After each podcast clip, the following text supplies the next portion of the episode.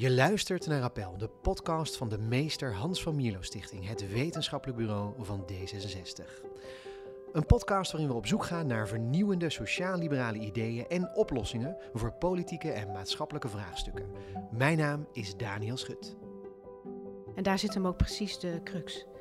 Dit is een opgave die wordt gedwarsboomd door de politieke waan van de dag, door de snelheid waarmee er soms gere gereageerd moet worden, door politisering van het ambtelijke apparaat, dat politiek niet wenselijk is om de hele waaier open te gooien. Ja. Den Haag roept bij velen een beeld op van professionele lobbyisten, oud-politici en belangenbehartigers die makkelijk hun weg vinden naar de ambtenaren en Kamerleden. En dat beeld wordt ook regelmatig bevestigd. De lobby in 2018 om de dividendbelasting af te schaffen is misschien wel het meest treffende voorbeeld. Onder druk van onder andere Unilever volhardde Mark Rutte lange tijd in deze maatregel, ondanks grote tegenstand in de oppositie en samenleving. Wat betekenen de invloed en macht van gevestigde organisaties en professionele lobbyisten voor het functioneren van de democratie? En hoe goed weten maatschappelijke belangen eigenlijk hun weg te vinden naar Den Haag? We praten hierover met Celesta Brown. Zij is hoogleraar bestuurskunde aan de Universiteit Leiden. Ze doet onderzoeken naar de rol van economische en maatschappelijke belangen in de publieke besluitvorming. In haar oratie afgelopen jaar benadrukte zij onder meer hoe belangrijk het is dat publieke belangen in de samenleving een grotere stem krijgen in de besluitvorming. In haar onderzoek wijst ze daarom op de verantwoordelijkheid van bestuurders om actief verschillende belangen te horen en te wegen. Ook belicht ze de verbindende rol die maatschappelijke organisaties moeten hebben tussen samenleving aan de ene kant en openbaar bestuur aan de andere kant. Celesta, van harte welkom. Dankjewel. Waar komt die interesse voor de invloed van belangenbehartiging aan de ene kant en beleid en inspraak in besluitvorming, waar komt dat vandaan? Dan moeten we een heel eindje terug, denk ik. Uh, vlak na mijn afstuderen werkte ik in de Tweede Kamer als stafmedewerker voor de onderzoekscommissie naar het integratiebeleid. en welk jaar was dat? 2003 was dat. 2003, ja. ja. En daar zag ik als net afgestudeerde studenten zo uit collegebanken zo de Kamer in eigenlijk. Uh, als stafmedewerker zag ik eigenlijk allerlei fricties, moeilijkheden um, tussen enerzijds politici, voormalig bewindslieden, ambtenaren, om de kennis en inzichten en maatschappelijke belangen die zo van belang waren voor dat grote dossier en grote vraagstuk van integratie goed te ontsluiten. Maar anderzijds ook hoe uh, bepaalde maatschappelijke organisaties heel veel moeite hadden om hun weg te vinden. Niet alleen in Den Haag, maar ook uh, in de lokale politiek. Nou, en dat nog los van het feit dat, dat dat voor dat dossier heel erg van belang was om dat boven tafel te leggen en daar iets goeds mee te doen als stafmedewerker, begon daar het vuurtje te branden om daar wetenschappelijk onderzoek naar te doen. Dat... Neem me nog eens mee dan naar 2003, want het, ik kan me niet voorstellen bij, het is ook al zo lang geleden voor mij, dat ik denk, ja, wat speelde er toen precies en welke organisaties waren erbij betrokken en wie kreeg er wel en niet een voet tussen de deur? Hoe zag het eruit toen? Nou, 2003 was uh, Marijnissen nam een motie aan, volgens mij was dat een jaar eerder, om onderzoek te doen naar de redenen waarom het integratiebeleid gefaald had. En er werd een groot onderzoek opgezet en wij ondersteunde de commissie in het uh, doen van interviews met allerlei betrokkenen bij het integratiedossier. En dat ging van wonen, werkgelegenheid, onderwijs, uh, culturele aspecten. En wij spraken, niet alleen in Den Haag spraken wij met uh, organisaties zoals VNO-NCW, maar ook lokaal met de kleinere organisaties, vrijwilligers, die um, bepaalde doelgroepen uit de stad probeerden te verenigen. Nou, en dat hele spectrum, organisaties of maatschappelijke organisaties, brancheorganisaties, um, kwam, trok voor ons voorbij. En daar zagen we dat uh, degenen die al best wel een vaste stem hadden in Den Haag, je noemde het net zelf ook al, de grotere gevestigde belangen, hadden veel minder moeite om hun stem uh, gehoord te laten worden, hun belang op tafel te leggen. En de kleinere maatschappelijke organisaties hadden dat juist veel meer. Dat is één kant. En de andere kant eigenlijk was, dat is uitermate intrigerend, dat veel ambtenaren, vooral op het lokale niveau, eigenlijk veel beter wisten hoe ze met dat soort organisaties om moesten gaan. Hoe ze dat soort organisaties moesten en zouden kunnen vinden. Maar dat dat eigenlijk politiek totaal niet kon op dat moment. Nou, je kan je er iets bij voorstellen. Dat was nou, de tijd van LPF. ja. Ja, Het begin, nou, ik weet niet of het begin is, maar toch wel de, de gevoeligheden rondom integratie. En die hebben we nu nog steeds. En het was heel moeizaam om. Het was politiek heel moeizaam om met organisaties van allerlei soorten eh, Nederlanders, eh, vooral vrijwilligersorganisaties of maatschappelijke organisaties, die opkwamen voor het belang van allerlei verschillende soorten Nederlanders, dat te legitimeren, politiek gezien. Dus eigenlijk politiek niet zo wenselijk om met dat soort organisaties eh, samen te werken, terwijl eigenlijk on the ground dat een van de meest effectieve eh, mechanismen was om in de steden, daar waar integratie plaatsvindt, daar iets te doen. Dus je zag een enorme mismatch tussen wat er lokaal gebeurt als mensen moeten integreren op de werkvloer, Mhm. in hun woonwijk, scholen, met behulp van allerlei verschillende maatschappelijke organisaties, van verschillende pluimage, van verschillende etnische en culturele achtergrond. Dat werkte eigenlijk best wel goed. Maar dat was politiek niet wenselijk om die boodschap zo te verkondigen. En daar zag je een grote frictie ontstaan in het verdedigen van die aanpak versus de effectiviteit ervan op de, ja, op de werkvloer, wilde ik zeggen, maar eigenlijk gewoon i- waar mensen ingebed zijn. Maar dat is heel interessant dat je het zegt. Want je, de, de, meeste, de meeste luisteraars en de meeste, de meeste Nederlanders die het nieuws volgen, die zouden zeggen als de politiek een opdracht geeft om een onderzoek te doen, dan moet het onderzoek moet dan gewoon gebeuren. En uit die conclusies, daar komt, dat komt er dan gewoon uit en dat is dan wat het is.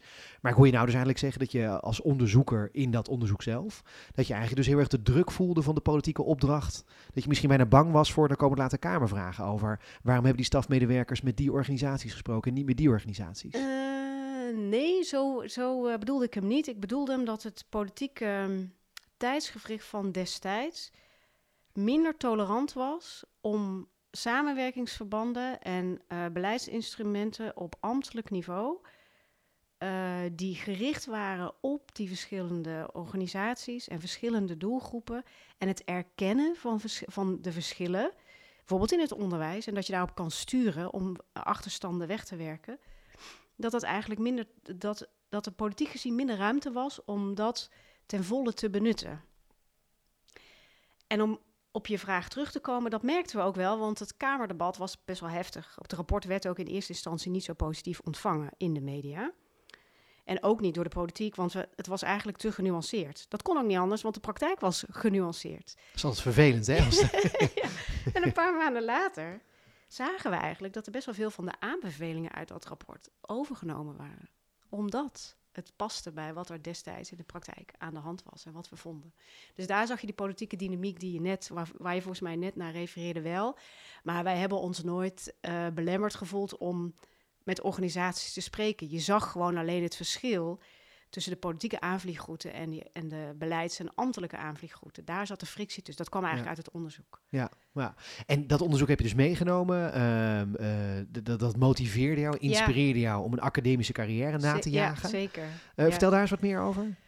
Ja, toen ik daar zat als, ehm, als stafmedewerker, dacht ik, nou, dit, dit, deze problematiek is zo relevant om niet alleen om het integratievraagstuk vooruit te helpen, maar in den brede.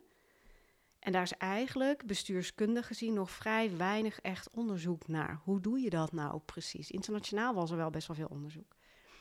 Nou ja, en toen dacht ik, dit is de kans eh, om hier wetenschappelijk mee verder te gaan. Ja. En dat heb ik gedaan. Ja. Hey, en eh, in je oratie eh, d- sprak je dan over ongekende belangen in het politieke en bestuurlijke besluitvormingsproces. Dus nu, jaren na dato, eh, kijk je op een eh, ja, ge- gefundeerde en andere manier naar het hele proces. Wat bedoel je met die ongekende belangen? Ik heb met ongekende belangen eigenlijk twee kanten van hetzelfde verhaal of twee zijden van de spiegel proberen bloot te leggen. Wat je net in je intro al noemde, de, de gevestigde belangen die de weg weten in Den Haag en de dividendbelasting, dat zijn allemaal van die schandalen of affaires waarbij op een gegeven moment wordt blootgelegd dat grote economische belangen eigenlijk op een oneigenlijke of onevenwichtige manier aan politieke beïnvloeding hebben gedaan en dat succesvol hebben gedaan. Dat zie je vaak terugkomen in de media. Dat is één, dat is één vorm van ongekend belang. Groot in economisch opzicht, ofwel groot in partijpolitiek opzicht, of allebei, maar eigenlijk onzichtbaar Ja. voor de maatschappij in de brede zin. Dus ongekend als in groot en onzichtbaar. Ja. Dat is één kant. Maar de andere kant is ook groot, maar dan in maatschappelijk opzicht. Dus maatschappelijke belangen van bredere groepen uit de samenleving die net zo groot zijn en misschien wel en vaak onzichtbaar, bewust of onbewust, voor politiek en bestuur. Nou, en die twee wilde ik eigenlijk naast elkaar hangen. Een voorbeeld van het laatste is, er is al heel veel naar gerefereerd, maar bijvoorbeeld wat er uitkwam bij het toeslagenschandaal. Dat zou ik ook een groot of een ongekend belang noemen van verschillende groepen in de samenleving die zo lang bewust of onbewust niet zichtbaar zijn geweest in politieke besluitvorming of politiek bestuurlijke besluitvorming, dat dat, daar, dat, dat is ook een ongekend belang. Ja. Nou, en dan maakte ik mijn argument af in mijn oratie. Als je te veel van allebei hebt, dan holt dat eigenlijk de kwaliteit van je democratische rechtsstaat uit. En waarom? Je hebt aan de ene kant heel veel oneigenlijke beïnvloeding, die maar een deelbelang uh, bedient. En aan de andere kant zorg je ervoor dat uh, groepen in de samenleving totaal ongehoord blijven, met alle desastreuze gevolgen van dien. Ja, dus je hebt eigenlijk een ontwrichting. Je hebt eigenlijk de balans in een publiek belang, of in het landsbelang, eigenlijk weg. Beide belangen trekken de besluitvorming eigenlijk uit het lood. Ja, als we die twee sporen even blijven volgen, dan eerst op het eerste spoor doorgaan van de, van de grote economische belangen die we misschien niet zo zien, maar die wel invloedrijk zijn. Um, ja, de, veel mensen zullen toch weer teruggrijpen op hun eigen lessen maatschappijleer en die zeggen, nou, de politiek beslist en lobbyen, dat, is, uh, dat, dat moet vooral op afstand staan. Dat is eigenlijk, dat, doet, dat gebeurt in Nederland niet. Wat heb je gevonden, wat heb je gezien over wat er dan dus wel gebeurt? Hoe vindt die beleidsbeïnvloeding plaats? Uh, die beleidsbeïnvloeding vindt op verschillende manieren plaats. Uh, via diverse kanalen. Dus informele afspraken, formele afspraken, geïnstitutioneerde, geïnstitutionaliseerde overlegmomenten, position papers. Je kan het eigenlijk het hele palet aan verschillende lobbystrategieën die worden toegepast door allerlei soorten belangen eigenlijk. Daar, Ja. daar is groot economisch belang niet alleen in. En, en dat betekent dus, ben ik, ben ik de baas van Shell, dat ik dan eh, elke week op de koffie kom bij Mark Rutte. Of eigenlijk Mark Rutte komt op de koffie bij mij. Dat is Ik waar- weet, dat weet ik niet. Ik eh, ken Mark Rutte's agenda niet zo goed. Of zijn informele en niemand kent die, dat is Nee, misschien een probleem geloof ik ook. Maar Eh, zijn informele koffiemomentjes kennen we ook niet zo goed. Ehm, dus dat zou kunnen. ja, En de vraag is natuurlijk altijd of dat soort momenten bijdragen aan de beïnvloeding op inhoudelijke dossiers. En het is plausibel om te denken dat dat zo is. Maar om dat echt daadwerkelijk meetbaar te maken, dat is best een klus. ja, ja, ja. Ja. Maar, maar, maar mensen zoeken misschien toch wel meer naar voorbeelden. Je had het net over Ja. schandalen inderdaad. Ja. Over, maar mensen zoeken misschien toch wel naar voorbeelden om te snappen hoe dat proces dan plaatsvindt in, in dat eerste spoor van beleidsbeïnvloeding. Ehm, ja, eh, ik ben even aan het zoeken naar bijvoorbeeld. Oh, eh, ik bedoelde eigenlijk met ehm, schandalen of affaires die vaak achteraf eh, tot eh, naar buiten komen. Doordat onderzo- onderzoeksjournalisten vooral dan gaan graven en dan oneigenlijke beïnvloeding eh, zien. En het heeft dan.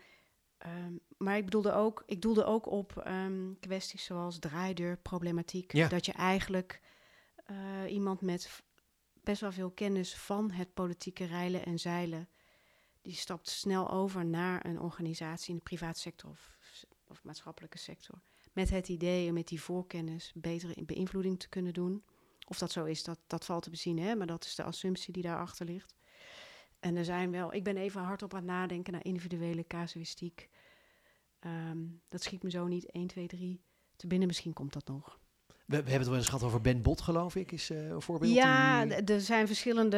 eh, en laatst wa- was nog, eh, ik kan even niet op de naam komen, een, een topambtenaar die een baan had geaccepteerd bij een belangenbehartiger, geloof ik. En dat soort zaken komen vaak in de media ja, met Ja. de onderliggende assumptie: dit is oneigenlijk en zal wel bijdragen aan de beïnvloeding.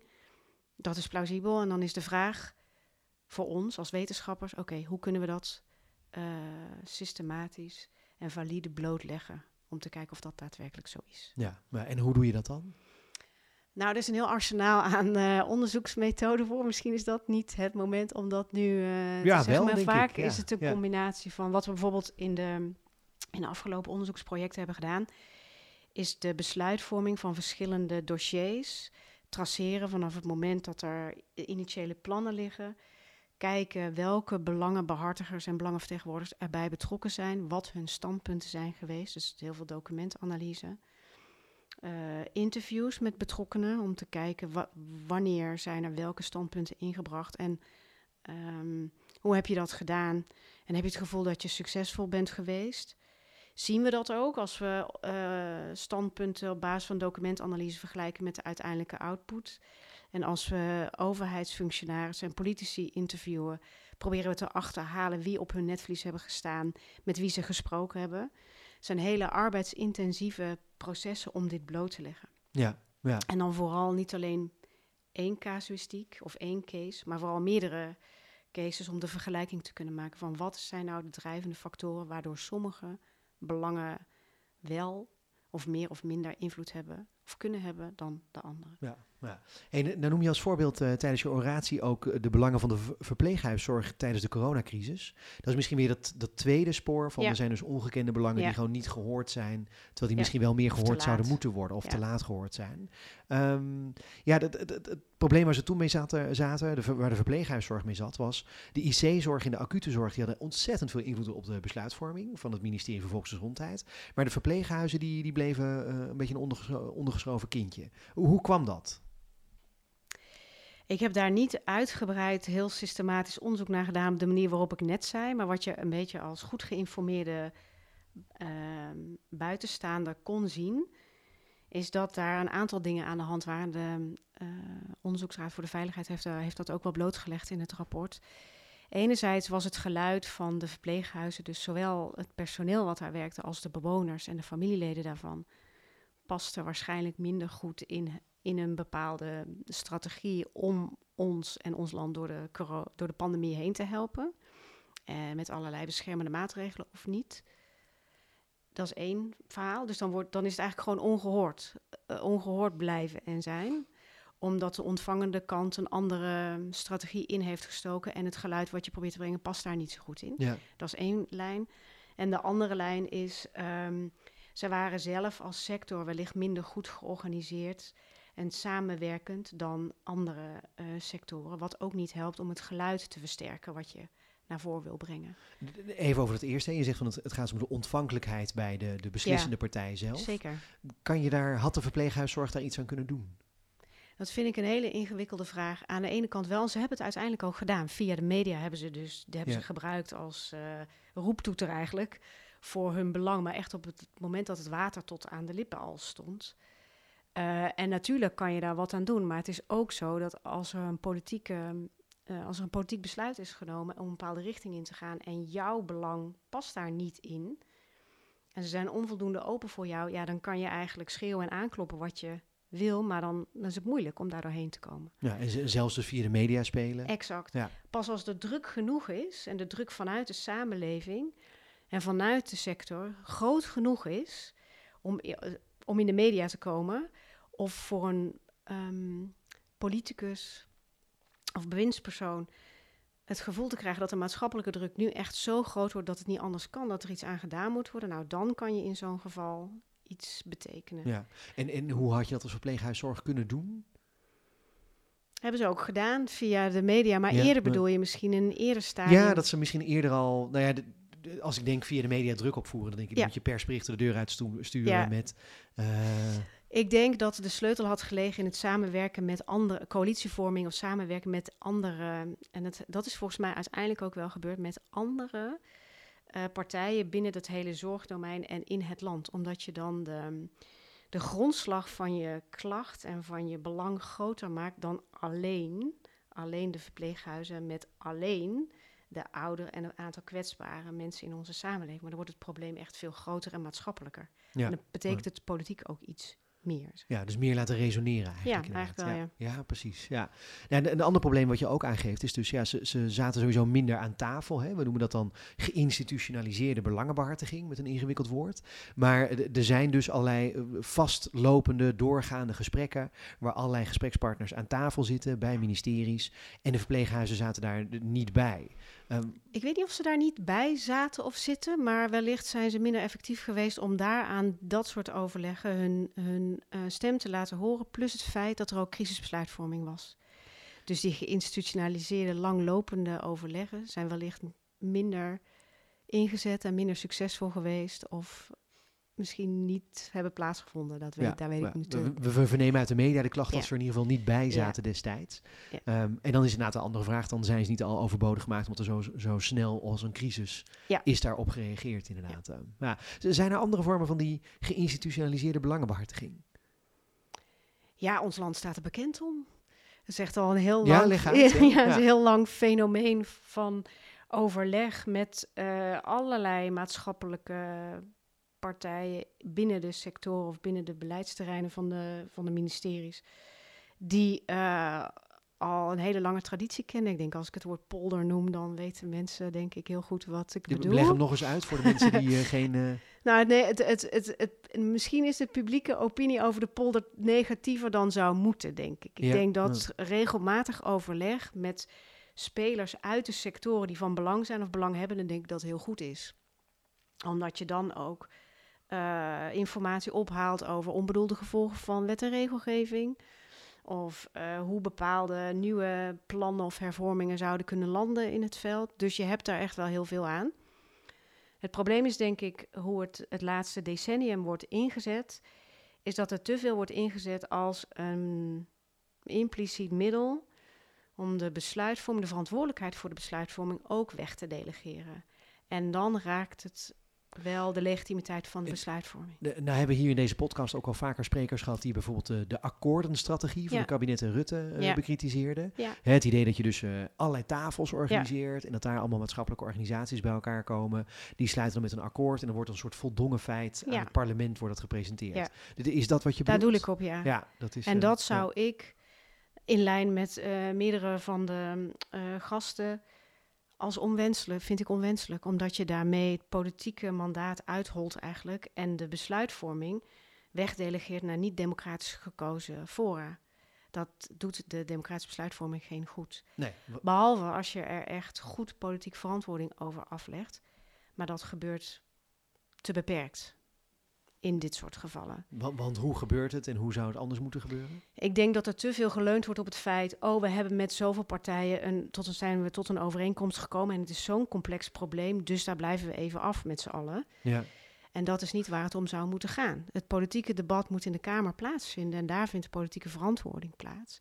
En het overleg en de input en de samenwerking met maatschappelijke actoren... moet binnen duidelijke politieke kaders plaatsvinden. Anders hol je ja, het hele democratische besluitvorming uit eigenlijk. Nou zijn er misschien twee reacties erop. De eerste is misschien, um, maar het is misschien toch ook wel waar dat de Tweede Kamer soms als een soort olifant in de porseleinkast uh, over zo'n akkoord heen kan stomen vanwege hun eigen politieke belangen achteraf. Um, he, dit, er zijn natuurlijk een aantal dossiers, nou ja, integratie zal er eentje van zijn. Die politiek, daar kun je hele hoge ogen mee scoren. Ja. Um, er zijn ook heel veel partijen die dat heel erg graag doen. Ja. ja dan zijn er belangenorganisaties. En dat geef je eigenlijk ook al een beetje aan in je motiverende voorbeeld. Er zijn belangenorganisaties die zeggen, nou zo zou het eigenlijk moeten. En dit is eigenlijk een goede manier om het te doen. Maar dan komt er nog eens even een PVV of een Vorm voor Democratie achterlangs die zegt, nee, wat dat is omvolking waar hiervoor gepleit wordt. Um, en dan gaan ze het hele akkoord weer kapot maken. Dus is het soms niet verstandiger om toch die akkoorden dan maar los te houden van de democratische legitimatie? Dat vind ik echt een hele uh, grote vraag. Ik ben even hardop aan het na of uh, ik ben aan het nadenken hierover. Um, nee, toch zou ik zeggen niet, want het, uh, het democratische besluitvorming moet plaatsvinden in, in de daarvoor geëigende fora. En ook al hebben we nu een, een groot deel van de politieke verantwoording die een bepaalde populistische richting op wil. Ja. Dat, dat is nog steeds de weergave van uh, de verkiezingsuitslag en een groot deel van wat wij blijkbaar als Nederlandse bevolking vinden en willen. Wat je daar als individu ook van vindt. En dan is de besluitvorming in de Kamer zou erop gericht moeten zijn dat de andere, de tegenhangers qua politieke visie, die zouden meer tegenwicht moeten kunnen bieden. Maar, maar hoe debat. dan? Gewoon, dat, nou ja, ik zeg gewoon, dat is het politieke vakmanschap, zou ik zeggen. En om daar niet te schuwen, om ook een groter gewicht uh, neer te zetten en meer de samenwerking met elkaar te vinden. Maar, nog weer concreet, hoe dan? ja, het gaat nu een beetje richting de politieke besluitvorming, maar uh, laat zeggen op het specifieke voorbeeld wat je nu noemt. Als je dat onwenselijk vindt, de interpretatie of de, de omverwerping van stel een akkoord op dit uh, terrein, wat door één of een paar partijen wordt, gezet, wordt neergezet als omvolking en je vindt dat als andere politieke partijen onwenselijk, dan moet je er met elkaar iets tegenover zetten om dat te neutraliseren. Dus zou ik zeggen, concretere samenwerking op het, bijvoorbeeld op, dit, op zo'n dossier of een standpuntbepaling. Ja. Ja, maar dan is een probleem natuurlijk dat eh, voor, voor sommige partijen in de Tweede Kamer uh, is de medialogica belangrijker dan de logica. Um, je kunt ophef ja. genereren, je kunt een mooi issue, kun je erover maken, dan gaat iedereen erover twitteren. Um, en dan, uh, dan iedereen is er dan toch weer ingetuind in zekere zin. Dat, dat is dan toch lastig als politieke partijen daar iets tegenover willen zetten, dat het zich niet zo makkelijk laat neutraliseren. Nee, maar dat is ook wel een keuze, denk ik. Leg uit, ja. Uh, we gaan een beetje uit mijn uh, eigen wetenschappelijke ja, nee, comfortzone. Ja, vind ik prima, dus ik praat nu ook een beetje als uh, geëngageerde burger. Ik denk dat dat een te makkelijk, te makkelijk excuus is. Als je in de volksvertegenwoordiging zit, heb je een duidelijk mandaat en verantwoordelijkheid om datgene te kiezen. Niet alleen voor je eigen partijbelang, maar ook datgene wat voor het land goed is. En dat vraagt soms om over je eigen schaduw heen te stappen. En dat vraagt dan soms ook om de samenwerking op te zoeken met partijen, waardoor je eigen stem een beetje minder zichtbaar is. Zodat je iets, min, iets minder makkelijk een Twitter-berichtje eruit kan sturen. Ja. Dat alleen maar over je eigen zichtbaarheid gaat. Ik vind dat we dat nog onvoldoende zien. En hoe dat dan komt, is natuurlijk een samenspel van medialogica, ook de, de grote reputatiegedrevenheid van hoe wij nu politiek bedrijven. Maar er moet iemand zijn, of er moet een aantal mensen zijn die daar de eerste stap in zetten om dat te kunnen en durven veranderen. Ja. Ja.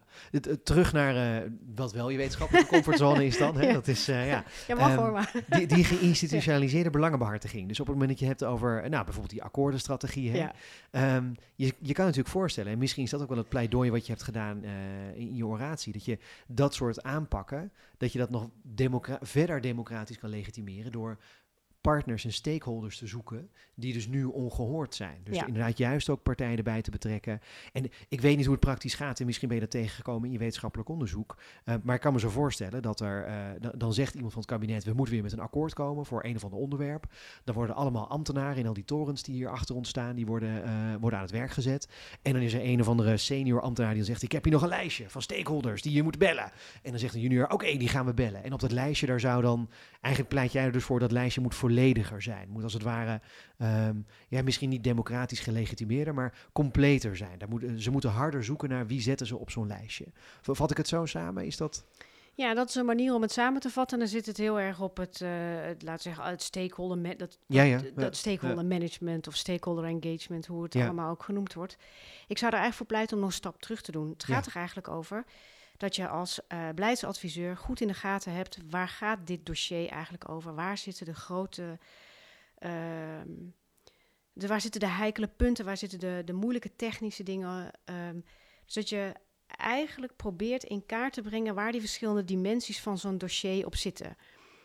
Uh, om een uh, simpel voorbeeld te noemen, als het gaat over regelgeving, over bijvoorbeeld dierenvervoer, dierentransport, dan kan je het hebben over dat, die kwestie als een dierenrechtenverhaal. Je kan het hebben over veiligheid, je kan het hebben over transport en logistiek. En dat zijn verschillende aanvliegroutes om zo'n besluitvorming, uh, om die kwaliteit van die besluitvorming te vergroten. Ik denk dat het de verantwoordelijkheid zou zijn van beleidsadviseurs om in kaart te brengen welke inhoudelijke dimensies er aan zo'n dossier zitten en te zien, en dan komt het, hebben wij voor al die inhoudelijke uh, aanvliegroutes, hebben wij daar voldoende stemmen uit de samenleving over gehoord en voldoende diverse stemmen over gehoord. En dat is dus eigenlijk een andere een stap die je terug moet zetten om dat lijstje completer te krijgen. Want completer, helemaal compleet, dat is natuurlijk een illusie. Ja, en dat is dan ook vaak het argument. Ja, maar dan moeten we zeker met iedereen gaan praten. Nee, dat is niet het idee. Het idee is dat je ziet waar inhoudelijk um, het dossier over gaat. En de ruimte krijgen als beleidsadviseur om ook het hele spectrum open te gooien en alle verschillende inhoudelijke invalshoeken te kunnen en mogen blootleggen. Ja, compleet lukt niet, maar completer in ieder geval wel en diverser is dan waar je naar zoekt. Maar eigenlijk gerichter. Dus vanuit de inhoud of vanuit, de, vanuit het dossier vertrekkend. Wat is hier nou van belang? Wat speelt hier nou allemaal? Hoe kunnen we dit oplossen? Welke oplossingsrichtingen zijn er? Mhm, en hebben we daar voldoende um, belanghebbenden over gehoord in de samenleving. Ja, ja. Nou, nou geef je één voorbeeld over hè, uh, dierenrechten, uh, transport en andere dingen die ermee te maken hebben. Um, maar dat is niet een hele makkelijke opgave voor de meeste beleidsadviseurs. Nee, zeker niet. En daar zit hem ook precies de crux. Dit is een opgave die wordt gedwarsboomd door de politieke waan van de dag, door de snelheid waarmee er soms gere gereageerd moet worden, door politisering van het ambtelijke apparaat, dat politiek niet wenselijk is om de hele waaier open te gooien. Ja. En dat dus binnen de organisatie daar al op geanticipeerd wordt. En er dus een aantal blinde vlekken blijven. Ja. Dus het is zeker niet makkelijk om dat te doen. Eh, Heb je van de laatste nog voorbeelden? Nee, niet specifiek. Maar je weet, eh, je, we weten wel uit onderzoek, meer algemeen onderzoek, dat juist dit, dus wat ik net zei, die hele waaier opengooien, dat dat vaak lastig ligt in zo'n ambtelijke organisatie. Omdat sommige opties zijn, heel, zijn politiek niet wenselijk. En dit zijn ook voorbeelden die je moeilijk uit eh, de ambtelijke organisatie krijgt, juist ook vanwege de gevoeligheid van deze kwesties. Ja, ja. De- Nou gaf je eerder ook aan, hè, dat is eh, eh, volgens jou is, is het juist dan aan maatschappelijke organisaties en ook bestuurders om dan aan die, die ongehoorde publieke belangen dan dus een stem te geven. Ja. Dat kan dus niet vanuit het beleid. Dat moet op andere manieren moet dat dan gebeuren. Ehm, maar hoe dan precies? Welke verantwoordelijkheid is dat dan precies? Je bedoelt, ja, het kan wel vanuit het beleid gebeuren. Wat ik, en dan moet je doen waar we het net over hadden. Ja. Zeg maar. dan, zou de, dan zou de ambtelijke organisatie echt de ruimte eh, moeten krijgen en durven pakken. Het zijn twee verschillende dingen om dat te doen. Ja, ja. Eh, maar misschien doel je op de kant, de maatschappelijke kant. Weet ik niet. Ik ben even aan het zoeken waar je naar bedoelt. Ja, daar zit, een, daar zit denk ik ook een grote verantwoordelijkheid voor maatschappelijke organisaties. Op het moment dat zij eh, zeggen bepaalde maatschappelijke belangen te vertegenwoordigen of te behartigen. Doen ze dat ten volle en representatief voor hun achterban en voor hun leden? Ehm, sluiten ze goed aan bij wat hun leden en achterban willen eh, en het belang van hun leden? En kunnen ze dat goed overbrengen richting politiek en bestuur? Een voorbeeld hoe het misging, ik denk dat dat vlak voor de coronacrisis was, 2019. Toen had, eh, toen was er een akkoord gesloten tussen de organisaties van verpleegkundigen en de minister, toenmalige minister, over, volgens mij ging het over de wet BIG. En er was een prachtig akkoord, zo dacht men. Daags na het sluiten van dat akkoord waren er heel veel verpleegkundigen aan het protesteren, omdat ze het zich niet konden vinden in dat akkoord. En het probleem was dat de organisatie onvoldoende de achterban en de leden had geconsulteerd over waar eh, het mandaat lag om te onderhandelen. Nou, dat is denk ik een, een voorbeeld van hoe die verantwoordelijkheid onvoldoende gepakt is. En waar je als maatschappelijke organisatie meer naartoe zou moeten. En je- Ja, ga je gang. ik wilde ja. nog een Ja. voorbeeld geven. Je ziet Ja. bijvoorbeeld ook in het onderwijsveld dat er, eh, laten we zeggen, een aantal jaar geleden het ontstaan van PO in actie, maar ook WO in actie, zijn directe gevolgen van het feit dat de meer gevestigde organisaties de belangen van de, van de werkvloer minder vertegenwoordigen dan zou moeten en kunnen. En hoe komt dat? Ja, dat heeft verschillende dynamieken. Als je in zo'n maatschappelijke organisatie zit, is de neiging heel erg om dicht tegen politiek bestuurlijk Den Haag of Europa of lokaal aan te gaan zitten. Daar is wat het gebeurt. Je moet reageren op de politiek van waan van de Mhm, dag. ja. Je bent opgericht om aan beleidsbeïnvloeding te doen, dus je gaat er dicht op zitten. Maar daarmee zie je wel vaak, dat zien we wel vaak uit onderzoek terug, dat dan de band met de leden en de achterban, dat die verwatert. En er minder ruimte is voor inbreng van leden. Door de druk, door de politieke druk. En ehm, eigenlijk is het een soort ehm, eh, effect van ook netwerk, het verschillende effecten. Dus een soort socialisatie-effect. Dus je zit in een bepaald politiek bestuurlijk netwerk en daar beweeg je heel veel in. En daarmee verlies je een beetje het zicht op de achterban. Dus je vertegenwoordigende functie of de, het ophalen van belangen wordt minder omdat je heel dicht tegen die politieke cirkel aan zit. Omdat je eigenlijk bijna gaat meeregeren in zekere zin. Je Ja. Bent, eh, ja, Ja. ja. ja. Ja. Het- In Haagse kringen is het dan ook wel een beetje de gedachte, tenminste is de indruk die, die veel mensen van buiten hebben, dat eh, de functie van die maatschappelijke organisaties is vooral eh, als soort kweekvijver voor eh, latere ministers en staatssecretarissen. En dus dan Ja. noem je bijvoorbeeld onderwijs. Het is Ja. heel vaak is de gedachte, wie wordt dan minister van onderwijs? Dat is iemand die of wethouder is geweest van onderwijs, dan toevallig ergens in de gemeente. Maar anders dan klop je even aan bij bijvoorbeeld de PO-raad of de WO-raad. En dan, dan zit daar vast wel iemand in die dan jarenlang daar, die daar bestuurder is geweest. Is dat dan wat je bedoelt met dat ze zo dicht tegen elkaar aankruipen, die maatschappelijke organisaties? En- Dit is een goed voorbeeld wat je noemt. Eh, dus die bestuurderslogica die gaat dan overheersen. Ja. En daarmee is de bestuurlijke of politieke eh, logica dominerend ten opzichte van wat er aan eh, ontwikkelingen spelen op de werkvloer. Wat er aan trends te zien zijn. De problemen waar de leden, die je vertegenwoordigt, mee te maken hebben in hun dagelijkse onderwijspraktijk in dit voorbeeld. En dat is heel moeilijk om daar een balans tussen te houden. Maar het voorbeeld wat je noemt is duidelijk een onbalans waarbij die bestuurderslogica dominant is geworden. Ja. En dat zie, je best, dat zie je best met enige regelmaat gebeuren. Maar wat ik wel interessant vind, is het, het, het verhaal wat je vertelt over die maatschappelijke organisaties. Dat dus, het begint eigenlijk met dat de bestuurders daarvan dichter tegen de politiek aankruipen. Terwijl als je nu bijvoorbeeld vraagt aan, eh, dat is een beetje de indruk uit de media van de afgelopen tijd. ehm, we zien bijvoorbeeld dat vakbonden, het lidmaatschap van vakbonden is echt keihard achteruit gegaan. En we, het beeld wat we een beetje krijgen vanuit die vakbonden is dat zij eigenlijk zeggen dat ligt aan de nieuwe generaties. Dat ligt aan hen. Dat ze organiseren zich niet en ze vinden het niet zo belangrijker. Ze vinden het belangrijker om op Instagram influencers te volgen dan om na te denken over hoe ze hun arbeidszame leven inrichten en of een vakbond daar niet bij kan helpen. Dus het, lijkt een beetje, misschien leg ik ze te veel woorden in de mond, Mhm. maar het lijkt wel alsof de bestuurders van vakbonden bijvoorbeeld eh, de schuld van het dadenlidmaatschap een beetje leggen bij de nieuwe generaties, bij, bij de mensen zelf. Maar jij zegt dus, dit ligt eigenlijk ergens anders. Ze kruipen te dicht tegen het Haagse aan. Ja, ik, dat is. ehm, ehm, het voorbeeld wat je nu noemt is heel, een heel terecht voorbeeld. Want het is een voorbeeld van meerdere zaken. Dus enerzijds is het dus, je zit dicht tegen die, dat politiek bestuurlijke aan. Waarmee je eigenlijk een blinde vlek creëert voor veel dingen om je heen. Ja. En een reactie op van het licht aan de jongere generatie zou zo'n voorbeeld van zo'n blinde vlek kunnen zijn. Ja. Tegelijkertijd zie je nu ook wel allerlei bewegingen bij verschillende soorten vakbonden, brancheorganisaties, maar ook bij eh, maatschappelijke organisaties om jonge geledingen eh, op te richten. Dus jong eh, FNV, dat Jong FNV veel dat soort ja, zaken. Ja. Om hier, dat is een middel om hier aan tegemoet te komen. En tegelijkertijd zie je daarmee ook de worsteling of minder ruimte om zich op een andere manier, want dat is nodig, op een andere manier te organiseren. Dus hoe vind je weer aansluiting bij een nieuwe of een andere generatie eh, om wel weer het belang van werknemers op het voetlicht te krijgen. Misschien moet je dan wat anders doen dan wat je gewend was te doen. Maar dat kost, dat is organisatieverandering, dat is noodwaar moeilijk. Ja. Ja. Dus het is een, een voorbeeld waarbij meerdere eh, verklarende factoren zouden kunnen gelden, zeg maar. Ja, ja, interessant. Ja, Ehm, ja dit is ehm, wat ik nog wel interessant vind. Je hebt natuurlijk, we noemen nu een paar voorbeelden van organisaties Ja. die eigenlijk heel, wel echt van oudsher heel goed georganiseerd zijn. En die nu misschien een beetje aan het afkalven zijn.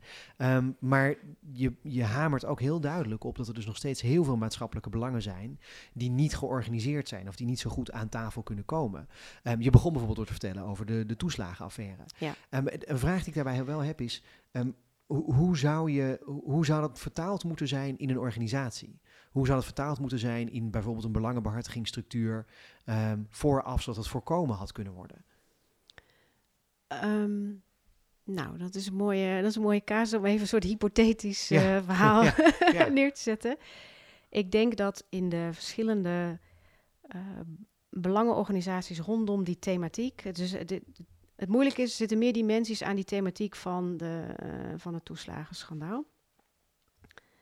Enerzijds had het in de gevestigde belangen van de kinderopvang. Zou daar al meer zicht hebben moeten zijn op doelgroepen eh, eh, van de leden of de achterban die het misschien moeilijk hadden. Of waarvoor deze regelingen lastig eh, in te kleden waren. Dat is wellicht ook niet zo goed gebeurd. Vanwege de logica die we net bespraken waarschijnlijk. Mhm. Ehm, dat is dus de vertegenwoordiging van belangen van leden die wellicht net een beetje anders liggen dan de mainstream in je organisatie. Want dat is vaak een probleem voor maatschappelijke organisaties. En dat is wellicht hier gebeurd. Een tweede punt is aan de kant van de Belastingdienst en de overheid. Hoe is er gereageerd op casuïstiek die wel degelijk in de richting wees dat daar dingen aan het fout gaan waren? Ja. En er zijn wel signalen opgebracht, maar je zag ook wel een interne organisatielogica. Ah, dit, deze, dit komt niet overeen met onze opdracht, onze politieke narratief. En dan gaan er allerlei, zaken, allerlei mechanismen spelen. Eh, eh, ongeloof of, eh, eh, ehm, ik wilde zeggen, het gebruik van heuristiek, hè, dus klassie- kla- klassieke psychologische modellen van besluitvorming. Oh, dit kan niet waar zijn. Dat soort zaken. Je, je hebt het over Ja. gewoon klassieke denkfouten Ja, eigenlijk. klassieke Dat, denkfouten. ja, organisatieroutines waar dit niet in past.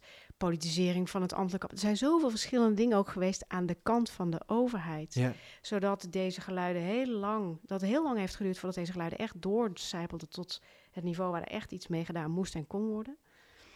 Dus het is weer, eh, kortom, het is ook een, een, een mismatch van wat er in de eh, samenleving, hoe hoe de geluiden daar naar boven werden gebracht, of niet werden gebracht eigenlijk. Maar ook hoe de geluiden die dan spaarzaam naar boven werden gebracht, eigenlijk niet zo goed werden opgepakt. Ja, maar is allebei. de- nou pleit je ook, hè? Je, je pleit ook voor het idee van bestuurlijke responsiviteit. Is dit dan waar Ja. je het over hebt? Is dit, is dit Ja, je- in feite wel, Ja. ja. ja, Dus dat begint eigenlijk wat ik net zei, de waaier breed uitslaan. Als dat hier nou was gebeurd, dan was het misschien eerder opgepakt. ja, Ehm, en eh, een belangenafweging, nou zit het hier natuurlijk in een uitvoerende dienst, dus dat is iets anders. Maar het meenemen van beslissingen in casuïstiek en het helder maken waarom er in bepaalde casuïstiek zo besloten is, dat doet ook al veel, want dan maak je zo'n afweging zichtbaar. Waarop of politiek of media of, of wetenschappers kunnen acteren van hé, hey, wat is hier nou gebeurd? Dus dat inzichtelijker maken, dat hoort zeker bij, eh, bij wat ik noem bestuurlijke responsiviteit. Ja. ja. De, nou, dan gebruik ik die, dat werkwoord of die uitdrukkingen inzichtelijker maken. Eh, de afgelopen jaren heeft de overheid toch wel ook allerlei initiatieven opgezet om de inspraak en de, de, de, het inzicht dat burgers hebben in het proces, proces om dat te vergroten. Eh, in een andere podcast heb ik een keer gehad over burgerberaden, maar Ja. Misschien voor nu is relevant. eh, er is een website met internetconsultaties waarop elke burger kan reageren op een nieuw wetsvoorstel. Ja. Dat is de voorbereiding. Dan kan een burger als een soort raad van state kan erop kijken en zeggen: Ja. dit vinden we ervan. Eh, en het ministerie van Infrastructuur en Waterstaat betrekt bijvoorbeeld ook burgers bij infrastructurele projecten met een online platform. Participatie heet dat. Hoe, hoe, hoe kijk jij aan Ja. tegen dit soort initiatieven? Deels is het eh, natuurlijk een, een goede beweging om eh, dit soort eh, consultatie- en participatiemogelijkheden te verbreden. En tegelijkertijd zien we uit onderzoek bijvoorbeeld het voor, om, een- om op het voorbeeld internetconsultaties in te gaan. Dat lijkt een heel mooi instrument, want we slaan, of we slaan net breed uit. En dan kunnen we iedereen vangen die geïnteresseerd is. En tegelijkertijd zien we uit onderzoek dat juist op basis van deze internetconsultaties, dat we dezelfde onevenwichtigheid zien in grotere maatschappelijke belangen die hun weg al hadden gevonden. Die maken daar ook nog eens een keer gebruik van. Ja. Dus je ziet eigenlijk dat door zonder enig maatwerk dit zo open te gooien, dat je dezelfde onevenwichtige verhouding tussen goed uitgeruste maatschappelijke of economische belanghebbenden en anderen eigenlijk bestendigt of soms zelfs versterkt. Ja. Omdat er gewoon nog een extra mogelijkheid is voor degene die al de weg wisten. Dus dat is een. Dat is eigenlijk een gemiste kant. Je hebt eigenlijk meer maatwerk nodig om de belangen die je normaal gesproken niet eh, op tafel krijgt, of die vaker ongehoord blijven, om die een stem te geven. Dus je zegt eh, de, de vaste lobbyisten die, eh, die sturen hun position papers Ja. daar naartoe op. Ja. Ehm, maar Oh, nog andere, een kan- even heel, heel gechargeerd. Nog een kanaal. Oh, prima. Sturen we even op. Ja. Klei- kleine moeite. Het is voor hun copy-paste eigenlijk. Ja, is, ja. Ja, zo zou je Ja. het kunnen zeggen. Ja. Maar voor een groepje burgers die bijvoorbeeld bij een infrastructureel project echt een probleem hebben, jeetje, die moeten dat helemaal gaan uitvogelen en uitzoeken. En die moeten, die moeten zich daar helemaal op organiseren. Spreken vaak de taal niet, de ambtelijke taal, beleidstaal. Dus er komt, als er al iets komt, komt er een inbreng. Super relevant inhoudelijk, maar wellicht anders opgeschreven. Ja. Dus dan moet er intern nog een vertaalslag plaatsvinden. Nou, is daar ruimte voor? Dus je ziet eigenlijk met een instrument dat bedoeld is om iedereen te bereiken, dat het eigenlijk in de praktijk niet, niet zo werkt. Niet zo werkt. Maar Ja. wat ik er fascinerend aan vind, is dat beeld wat je nu schrijft. Hè. De- de- ik heb geen idee of bijvoorbeeld de infrastructuur en waterstaat nu bezig is met een project, project met windmolens of zo. Ik verzin- maar ik verzin maar Ja. even wat. Hè. Stel Ja, je voor dat ze dat doen. Eh, dan zie ik het beeld inderdaad echt voor me. Van dat er eh, een lobbyist is van een energiebedrijf. Die dan precies weet hoe die een position paper moet schrijven. Of zij, dat weten we natuurlijk niet.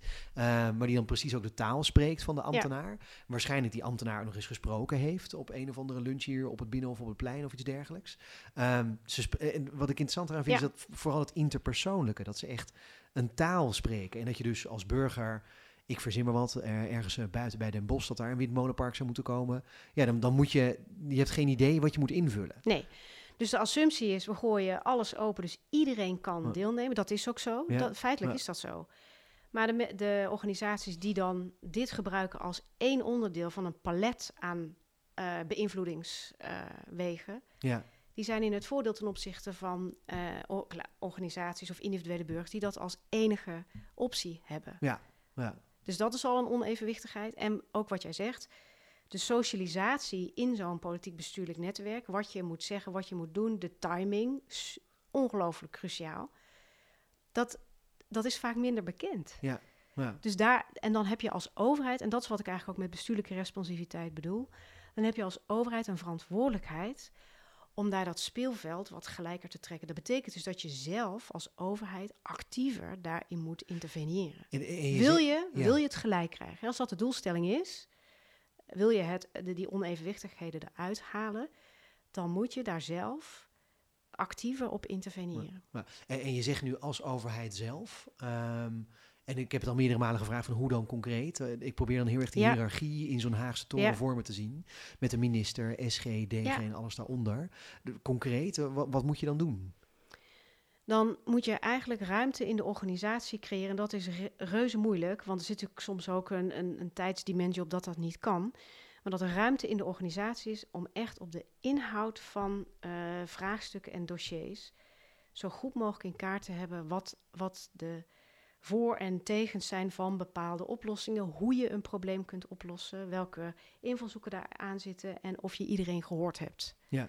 En weet, een beetje goed beeld hebt. En als je dan ziet dat er blinde vlekken zijn, dan moet je daar actief ja, maatwerk. En dat kan van alles zijn. Hè. Dat kan eh, zelf op onderzoek gaan. Dat kan zijn om zelf op onderzoek uit te gaan. Om te kijken, zijn er eigenlijk organisaties of burgers die we kunnen benaderen om ons hier iets over te vertellen. Maar dat betekent dat je dus actief zelf op onderzoek moet uitgaan of de monitoring moet doen. Dat kan prima. Dat is één, dat is echt het ambtelijke vakmanschap. En dan het tweede, wat heel relevant is, is dat er ruimte is in die ambtelijke organisatie. En je noemde denk ik niet voor niks die hiërarchie. Dat dat hele brede palet aan scenario's of opties niet sneuvelt in de route naar boven in de hiërarchie. Dus er moet er ruimte blijven om die verschillende opties op tafel te houden. En die politieke afweging die is nodig, maar dat is, dat is de winstpersoon die daar verantwoordelijk voor is. En niet het hele traject daarvoor. Exact. Ja, ja heel goed.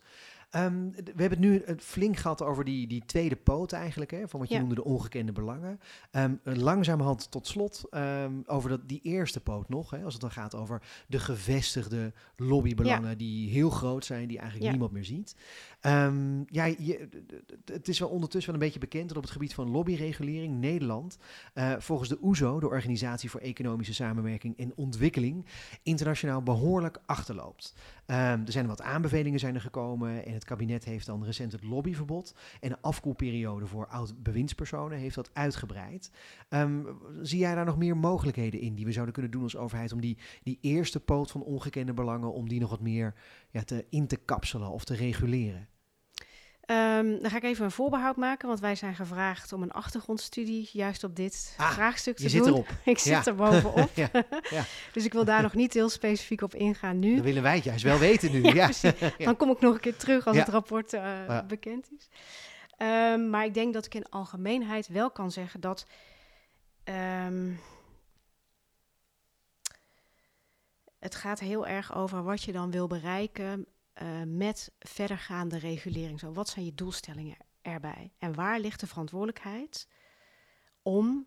En die, ehm, dus waar, bij welke partij ligt de verantwoordelijkheid om A, integer en eerlijk een belang te behartigen en een belang mee te nemen? En volgens mij heb ik dan voorlopig genoeg gezegd. En de vraag is dus, daar kan ik nog wel toe, welke instrumenten helpen, hier aan, helpen hier aan bijdragen? Dat is volgens mij de cruciale vraag als je het hebt over, zou je meer lobbyregulering moeten hebben? Zou je meer transparantie moeten hebben? Zou je meer gedragscodes moeten hebben? Je kan alle instrumenten langslopen. Voor mij zou de cruciale vraag zijn: draagt het bij? Is het plausibel dat het bijdraagt aan dat zowel de ontvangende kant, dus de overheid, politici, bewindspersonen, als ehm, belangenbehartigers, de verantwoordelijkheden neemt, de verantwoordelijkheid neemt om dat op een integere en open manier te doen. Want wat er gebeurt, ik maak nog heel even Ja, af. ja, graag. Wat ja. er gebeurt is dat als je als belangenbehartiger, of dat nou, een, of dat nou Shell is of een, kleine, of een klein burgerinitiatief ehm, uit het zuiden van het land of het noorden van het land, maakt eigenlijk niet heel veel uit. Wat je doet is een deelbelang proberen aan te haken aan algemeen eh, bindende wet en regelgeving. Dat betekent dus dat als jij daar succesvol in bent, is dat het moet gelden voor iedereen in jouw sector, in jouw beroepsgroep, in maakt niet uit wat. Daar komt de verantwoordelijkheid bij kijken. En dat gaat verder dan alleen maar als ik het over grote ondernemingen heb, over eh, het aandeelhoudersbelang en het geld wat het allemaal oplevert. Dat gaat echt over het publieke belang. En je hebt daar een verantwoordelijkheid in te nemen, vind ik. Dus, en dan, dat zou voor mij de vraag zijn. Welk van die instrumenten draagt daar aan bij? En, en, En is eh, dat, is dat, is dat, ehm, is dat realistisch om te veronderstellen? Dat als we heel veel meer sanctioneringsinstrumenten gaan, eh, gaan optuigen, heel veel meer transparantie, is het dan realistisch om te verwachten dat dit, dit is de kern van het verhaal, dat dat bediend wordt? Ik geloof dat het antwoord op die vraag dan nee gaat worden. Weet ik niet. Dat is, een, dat is ineens een vraagteken. Dat zou best kunnen. Maar dat, dat eh, ja. komt dan over een paar. Oké, dat is eh, ja. Nou, Ja. want ik kan me voorstellen, de- gegeven het verhaal wat je hiervoor ook vertelde, dat je zegt, nou ja, de, de- de- het gaat ook om de taal spreken en de informele connecties en, en het discours wat mensen met elkaar delen. Ja, daar kan je harde maatregelen op zetten of niet, maar dat discours gaat niet veranderen. Het feit dat een beleidsadviseur eh, van, van een ministerie en een lobbyist van Shell, dat die elkaars taal praten, dat die ook precies weten van elkaar wat ze precies bedoelen als er iets uitgeschreven wordt, Ehm, of als er ook iets niet uitgeschreven wordt. Ehm, dat, dat kan je niet veranderen met harde sancties.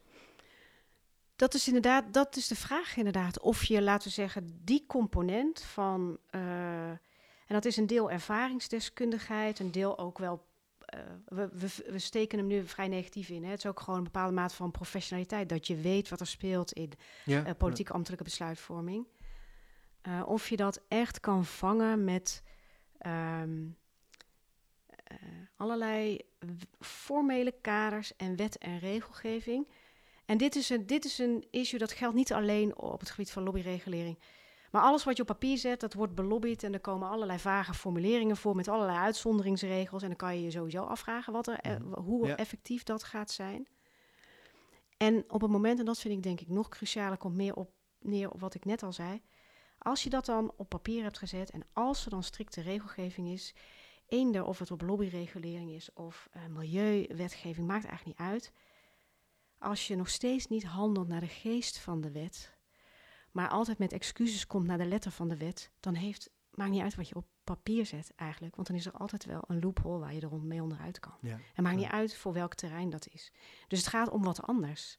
Het gaat er dus om, zijn er, en je hebt het net over die informele kant, die is er, die is vrij groot. En het is moeilijk om daar zicht op te krijgen. Er zitten allerlei mechanismen in, ons kent ons, ehm, so- socialisatiecomponenten. Daar zou je moeten kunnen, daar zou iets moeten kunnen gebeuren. Dat is veel krachtiger, maar dat is ongelooflijk moeilijk ook. Is een ideaal bruggetje naar de laatste vraag voor Ja. vandaag. Namelijk, eh, stel je was minister van Binnenlandse Zaken. Wat zou jij doen om publieke belangen een grotere stem te geven in besluitvorming? Gewoon als een mooie vraag. In het onwaarschijnlijke geval nou ja, je weet het niet. Wie ja. weet.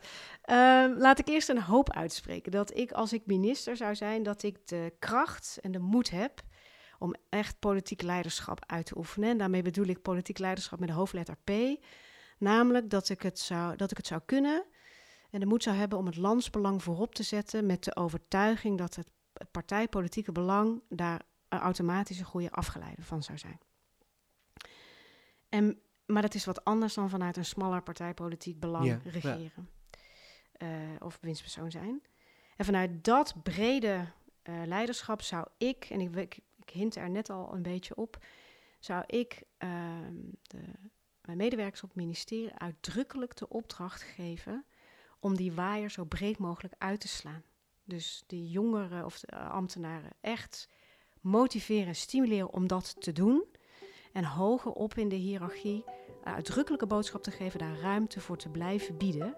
En dat die politieke afweging, die neem ik met de politieke cirkel om me heen wel voor mijn rekening. Ja, Dat hoeft niet al in de ambtelijke organisatie. breed de waaier uitslaan. Exact, Dat is hem. exact. Heel goed. Hartelijk dank Celesta en eh, jij luisteraar. Bedankt dat je luisterde. Vergeet je niet te abonneren op deze podcast als je dat nog niet hebt gedaan. En over twee weken, dan zijn we er weer. Tot dan!